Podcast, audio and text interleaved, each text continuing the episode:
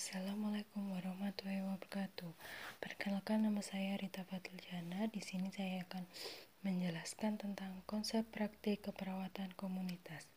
Pengertiannya yaitu pelayanan keperawatan profesional yang ditujukan kepada masyarakat dengan penekanan pada kelompok risiko tinggi dalam upaya pencapaian derajat kesehatan yang optimal melalui pencegahan penyakit, dan peningkatan kesehatan dengan menjamin keterjangkauan pelayanan kesehatan yang dibutuhkan dan melibatkan klien sebagai mitra dan perencanaan pelaksanaan dan evaluasi pelayanan keperawatan.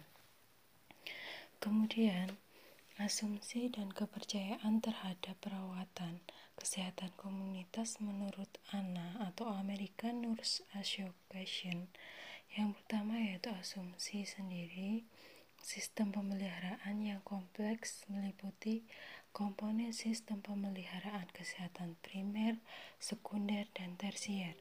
Kemudian yang kedua, perawatan subsisten, pemeliharaan kesehatan, dan produk pendidikan dasar, praktek penelitian. Kemudian yang ketiga, pemeliharaan kesehatan primer lebih menonjol dari sekunder dan tersier. Kemudian yang keempat, perawatan kesehatan menyangkut setting pemeliharaan kesehatan primer. Kemudian yang kepercayaan yaitu yang pertama pemeliharaan kesehatan harus memadai dan diterima semua orang. Kemudian yang kedua orang yang menerima asuhan harus dilibatkan. Kemudian yang ketiga perawat sebagai pemberi dan klien sebagai konsumen pelayanan kesehatan. Kemudian yang ke Empat, lingkungan berdampak terhadap kesehatan populasi individu. Kemudian yang kelima, pencegahan penyakit bagi esensial dari peningkatan kesehatan. Kemudian yang keenam, kesehatan sebagai proses mengangkut kehidupan dalam jangka waktu yang lama. Kemudian yang ketujuh, klien hanya anggota tetap dari tim pemeliharaan kesehatan. Kemudian yang kedelapan, individu dan sistem kesehatan masyarakat bertanggung jawab secara mandiri dan aktif berpartisipasi dalam pemeliharaan kesehatan. Kemudian ada falsafah dari keperawatan komunitas itu sendiri dibagi menjadi empat, yaitu ada manusia, kesehatan, lingkungan, dan keperawatan.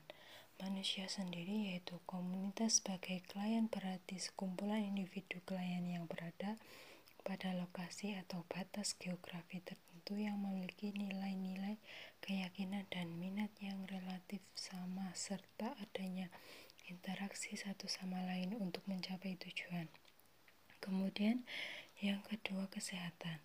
Sehat adalah suatu kondisi terbebasnya dari gangguan pemenuhan kebutuhan dasar klien atau komunitas. Kemudian yang ketiga lingkungan, semua faktor internal dan eksternal atau pengaruh di sekitar klien yang bersifat biologis, psikologis, sosial, dan spiritual. Kemudian yang keempat, keperawatan intervensi atau tindakan yang bertujuan untuk menekankan stresor melalui pencegahan primer, sekunder, dan tersier. Kemudian ada tujuan dari keperawatan kesehatan komunitas itu sendiri meliputi tujuan umum dan tujuan khusus. Tujuan umum sendiri yaitu untuk meningkatkan kemampuan masyarakat untuk hidup sehat sehingga tercapainya derajat kesehatan yang optimal. Kemudian tujuan khususnya sendiri ada 10.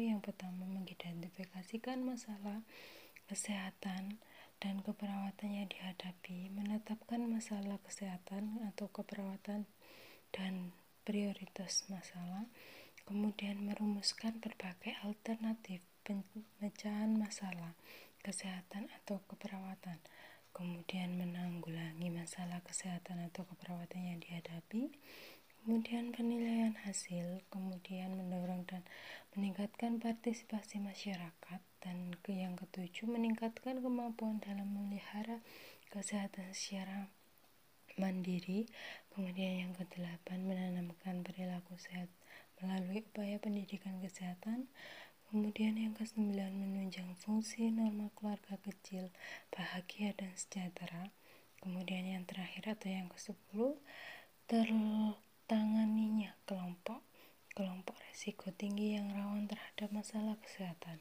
Sasaran sendiri yaitu yang pertama individu, bagian dari anggota keluarga, kelompok, seperti itu. Kemudian yang kedua keluarga, unit terkecil dari masyarakat terdiri dari kepala keluarga, anggota keluarga lainnya.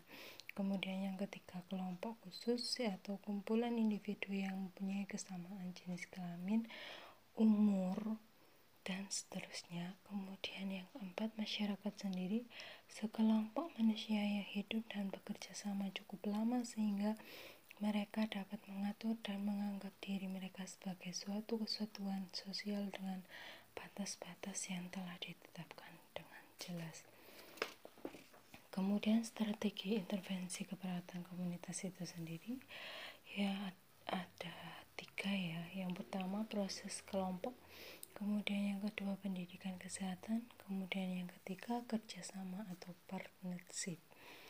Kemudian ada ruang lingkup, di sini ruang lingkup perawat komunitas sendiri dibagi menjadi lima. Yang pertama yaitu upaya promotif atau peningkatan kesehatan, yang contohnya seperti penyuluhan kesehatan masyarakat, peningkatan gizi, pemeliharaan kesehatan perseorangan, kemudian pemeliharaan gas lingkungan, kemudian olahraga secara teratur, kemudian rekreasi, pendidikan, seks, seperti itu. Kemudian yang kedua, upaya preventif atau pencegahan. Contohnya yaitu imunisasi massal terhadap bayi, balita, serta ibu hamil. Kemudian pemeriksaan kesehatan secara berkala melalui posyandu atau puskesmas Kemudian pemberian vitamin A dan yodium melalui puskesmas atau posyandu. Kemudian pemeriksaan dan pemeliharaan kehamilan, nifas dan menyusui. Kemudian yang ketiga, upaya kuratif atau pemeliharaan kesehatan dan pengobatan. Yang pertama contohnya yaitu seperti home care, kemudian perawatan payudara, kemudian perawatan ibu hamil dengan kondisi patologis di rumah, ibu bersalin atau nifas, kemudian perawatan tali pusat bayi baru lahir. Kemudian yang keempat sendiri yaitu upaya rehabilitatif atau pemulihan kesehatan. Kem yang contohnya yaitu latihan fisik, baik yang mengalami gangguan fisik seperti penderita patah tulang maupun kelainan bawaan, Kemudian contoh yang kedua yaitu latihan-latihan fisik tertentu bagi penderita penyakit tertentu, misalnya TBC, latihan nafas dan batuk, penderita stroke, fisioterapi manusia, fisioterapi manual, maksud saya seperti itu, mohon maaf, yang mungkin dilakukan oleh perawat. Kemudian yang kelima yaitu upaya resosialitatif, upaya mengembalikan individu keluarga dan kelompok khusus ke dalam pergaulan masyarakat. Di antaranya adalah kelompok-kelompok yang diasingkan oleh masyarakat karena menderita suatu penyakit, misalnya AIDS, TBC, dan seterusnya, atau kelompok-kelompok masyarakat khusus seperti wanita tuna, susila, terus tunawisma, dan lain-lain. Di samping itu, upaya ini meyakinkan masyarakat untuk menerima kembali kelompok yang mempunyai masalah kesehatan tersebut dan menjelaskan dengan benar masalah kesehatan yang mereka derita. Baik itu yang bisa saya jelaskan tentang konsep praktik keperawatan komunitas dari kesimpulan yang saya jelaskan tadi bisa disimpulkan bahwa Keperawatan komunitas adalah pelayanan keperawatan profesional yang ditunjukkan kepada masyarakat dengan penekanan pada kelompok risiko tinggi dalam upaya pencapaian derajat kesehatan yang optimal. Kemudian asumsi dan kepercayaan yang menurut ANA atau American Nurse Association itu dibagi menjadi dua yaitu sistem pemeliharaan yang kompleks dan kepercayaan masing-masing individu, kelompok, keluarga, dan masyarakat. Kemudian ada falsafah keperawatan komunitas sendiri dibagi menjadi empat, manusia, kesehatan, lingkungan, dan keperawatan. Kemudian tujuan keperawatan itu sendiri dibagi menjadi dua juga, tujuan umum dan tujuan khusus. Kemudian sasarannya dibagi menjadi empat, individu, keluarga, kelompok, dan masyarakat. Kemudian strateginya yaitu proses kelompok, pendidikan, kesehatan, kemudian kerjasama, kemudian ruang lingkup perawatan komunitas itu sendiri. Ada lima yang sudah saya jelaskan tadi yaitu upaya promotif atau peningkatan kesehatan. Kemudian yang kedua upaya preventif atau pencegahan. Kemudian yang ketiga upaya kuratif atau pemeliharaan kesehatan dan pengobatan dan upaya yang keempat rehabilitatif atau pemulihan kesehatan. Dan yang kelima upaya resosialitatif atau upaya mengembalikan individu keluarga dan kelompok. Ini juga sama dengan halnya upaya pencegahan primer, sekunder, dan tersier. Yang menjadi pembeda yaitu primer sendiri yaitu pencegahan sebelum sakit kemudian yang kedua sekunder sendiri yaitu pencegahan waktu sudah sakit. Jadi kita harus bisa mencegah kalau si penderita ini emang sudah menderita penyakit tersebut.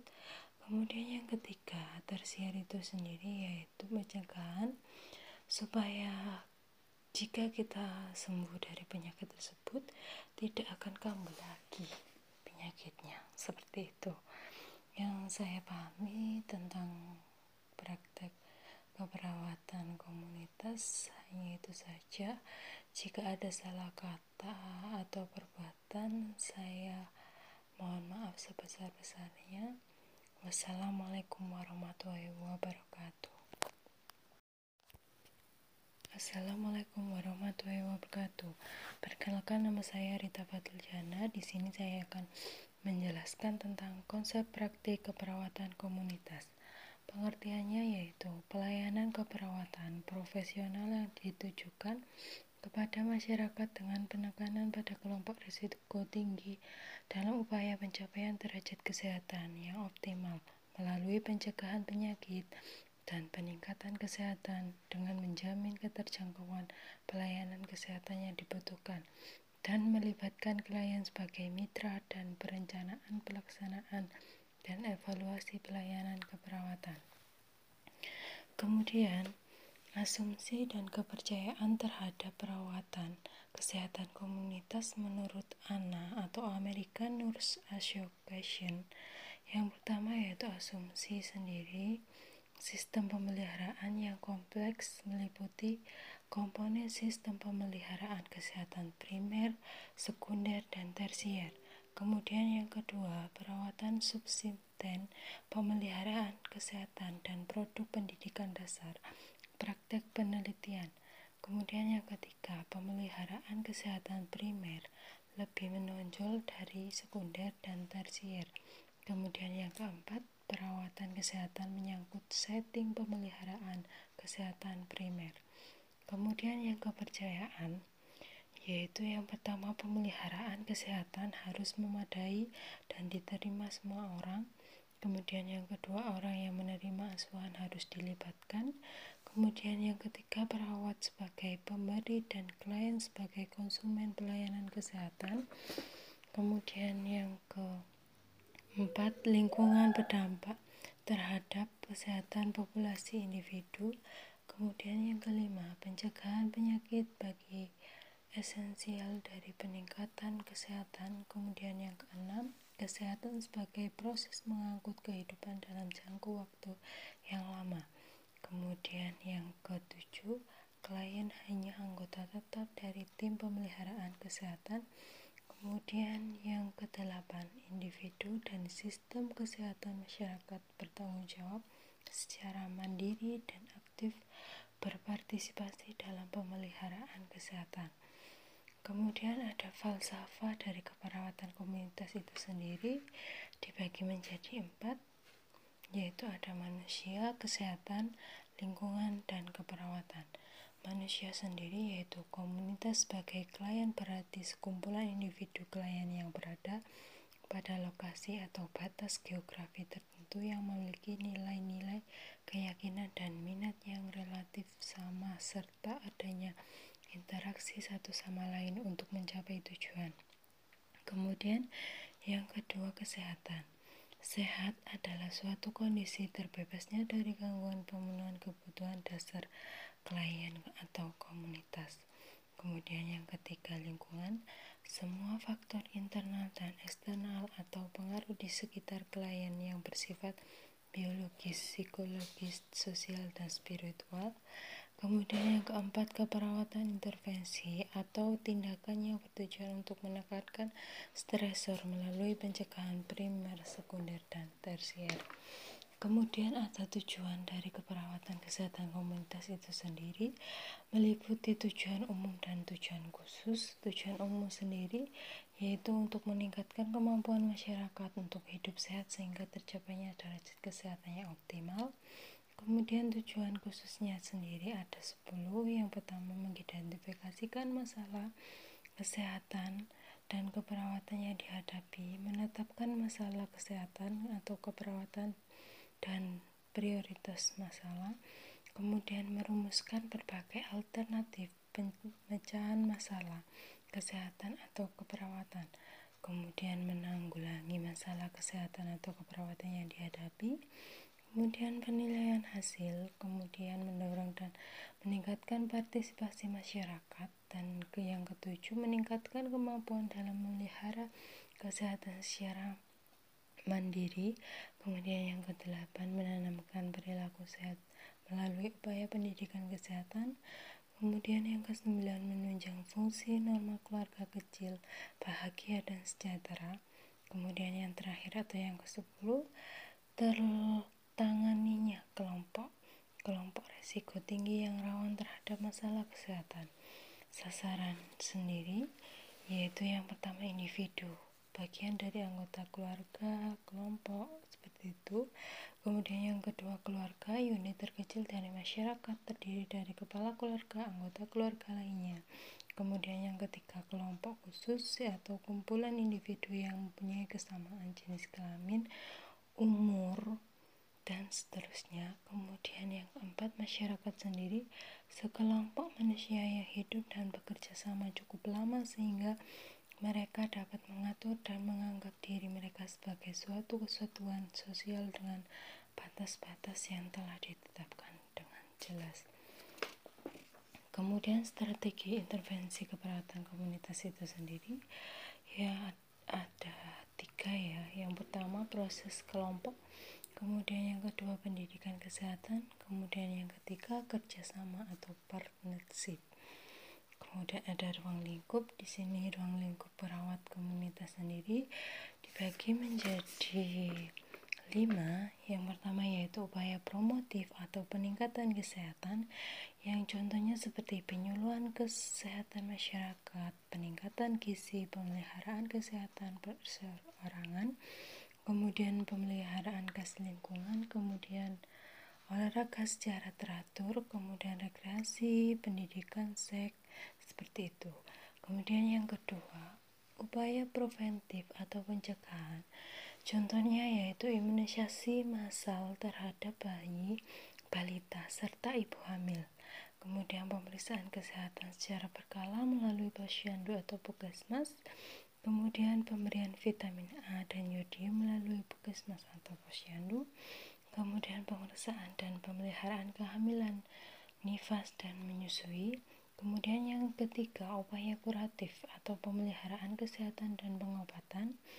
Yang pertama contohnya yaitu seperti home care, kemudian perawatan payudara, kemudian perawatan ibu hamil dengan kondisi patologis di rumah, ibu bersalin atau nifas, kemudian perawatan tali pusat bayi baru lahir.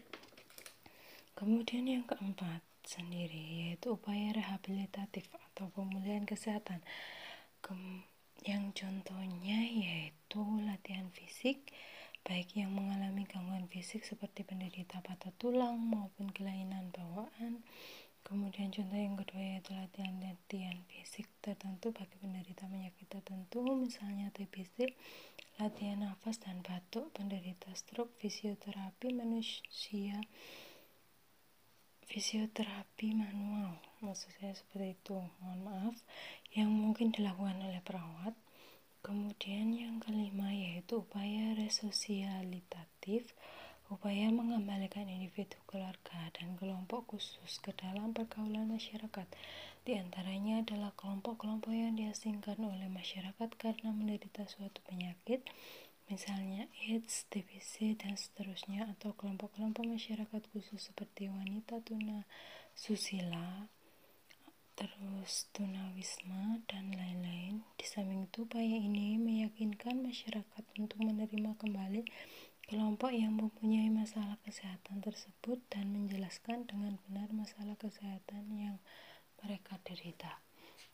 Baik, itu yang bisa saya jelaskan tentang konsep praktik keperawatan komunitas dari kesimpulan yang saya jelaskan tadi bisa disimpulkan bahwa keperawatan komunitas adalah pelayanan keperawatan profesional yang ditunjukkan kepada masyarakat dengan penekanan pada kelompok risiko tinggi dalam upaya pencapaian derajat kesehatan yang optimal Kemudian asumsi dan kepercayaan yang menurut ANA atau American Nurse Association itu dibagi menjadi dua yaitu sistem pemeliharaan yang kompleks dan kepercayaan masing-masing individu, kelompok, keluarga, dan masyarakat. Kemudian ada falsafah keperawatan komunitas sendiri dibagi menjadi empat manusia, kesehatan, lingkungan, dan keperawatan. Kemudian tujuan keperawatan itu sendiri dibagi menjadi dua juga, tujuan umum dan tujuan khusus. Kemudian sasarannya dibagi menjadi empat, individu, keluarga, kelompok, dan masyarakat. Kemudian strateginya yaitu proses kelompok, pendidikan, kesehatan, kemudian kerjasama, kemudian ruang lingkup perawatan komunitas itu sendiri. Ada lima yang sudah saya jelaskan tadi yaitu upaya promotif atau peningkatan kesehatan. Kemudian yang kedua upaya preventif atau pencegahan. Kemudian yang ketiga upaya kuratif atau pemeliharaan kesehatan dan pengobatan dan upaya yang keempat rehabilitatif atau pemulihan kesehatan. Dan yang kelima upaya resosialitatif atau upaya mengembalikan individu keluarga dan kelompok. Ini juga sama dengan halnya upaya pencegahan primer, sekunder, dan tersier. Yang menjadi pembeda yaitu primer sendiri yaitu pencegahan sebelum sakit kemudian yang kedua sekunder sendiri yaitu pencegahan waktu sudah sakit. Jadi kita harus bisa mencegah kalau si penderita ini emang sudah menderita penyakit tersebut.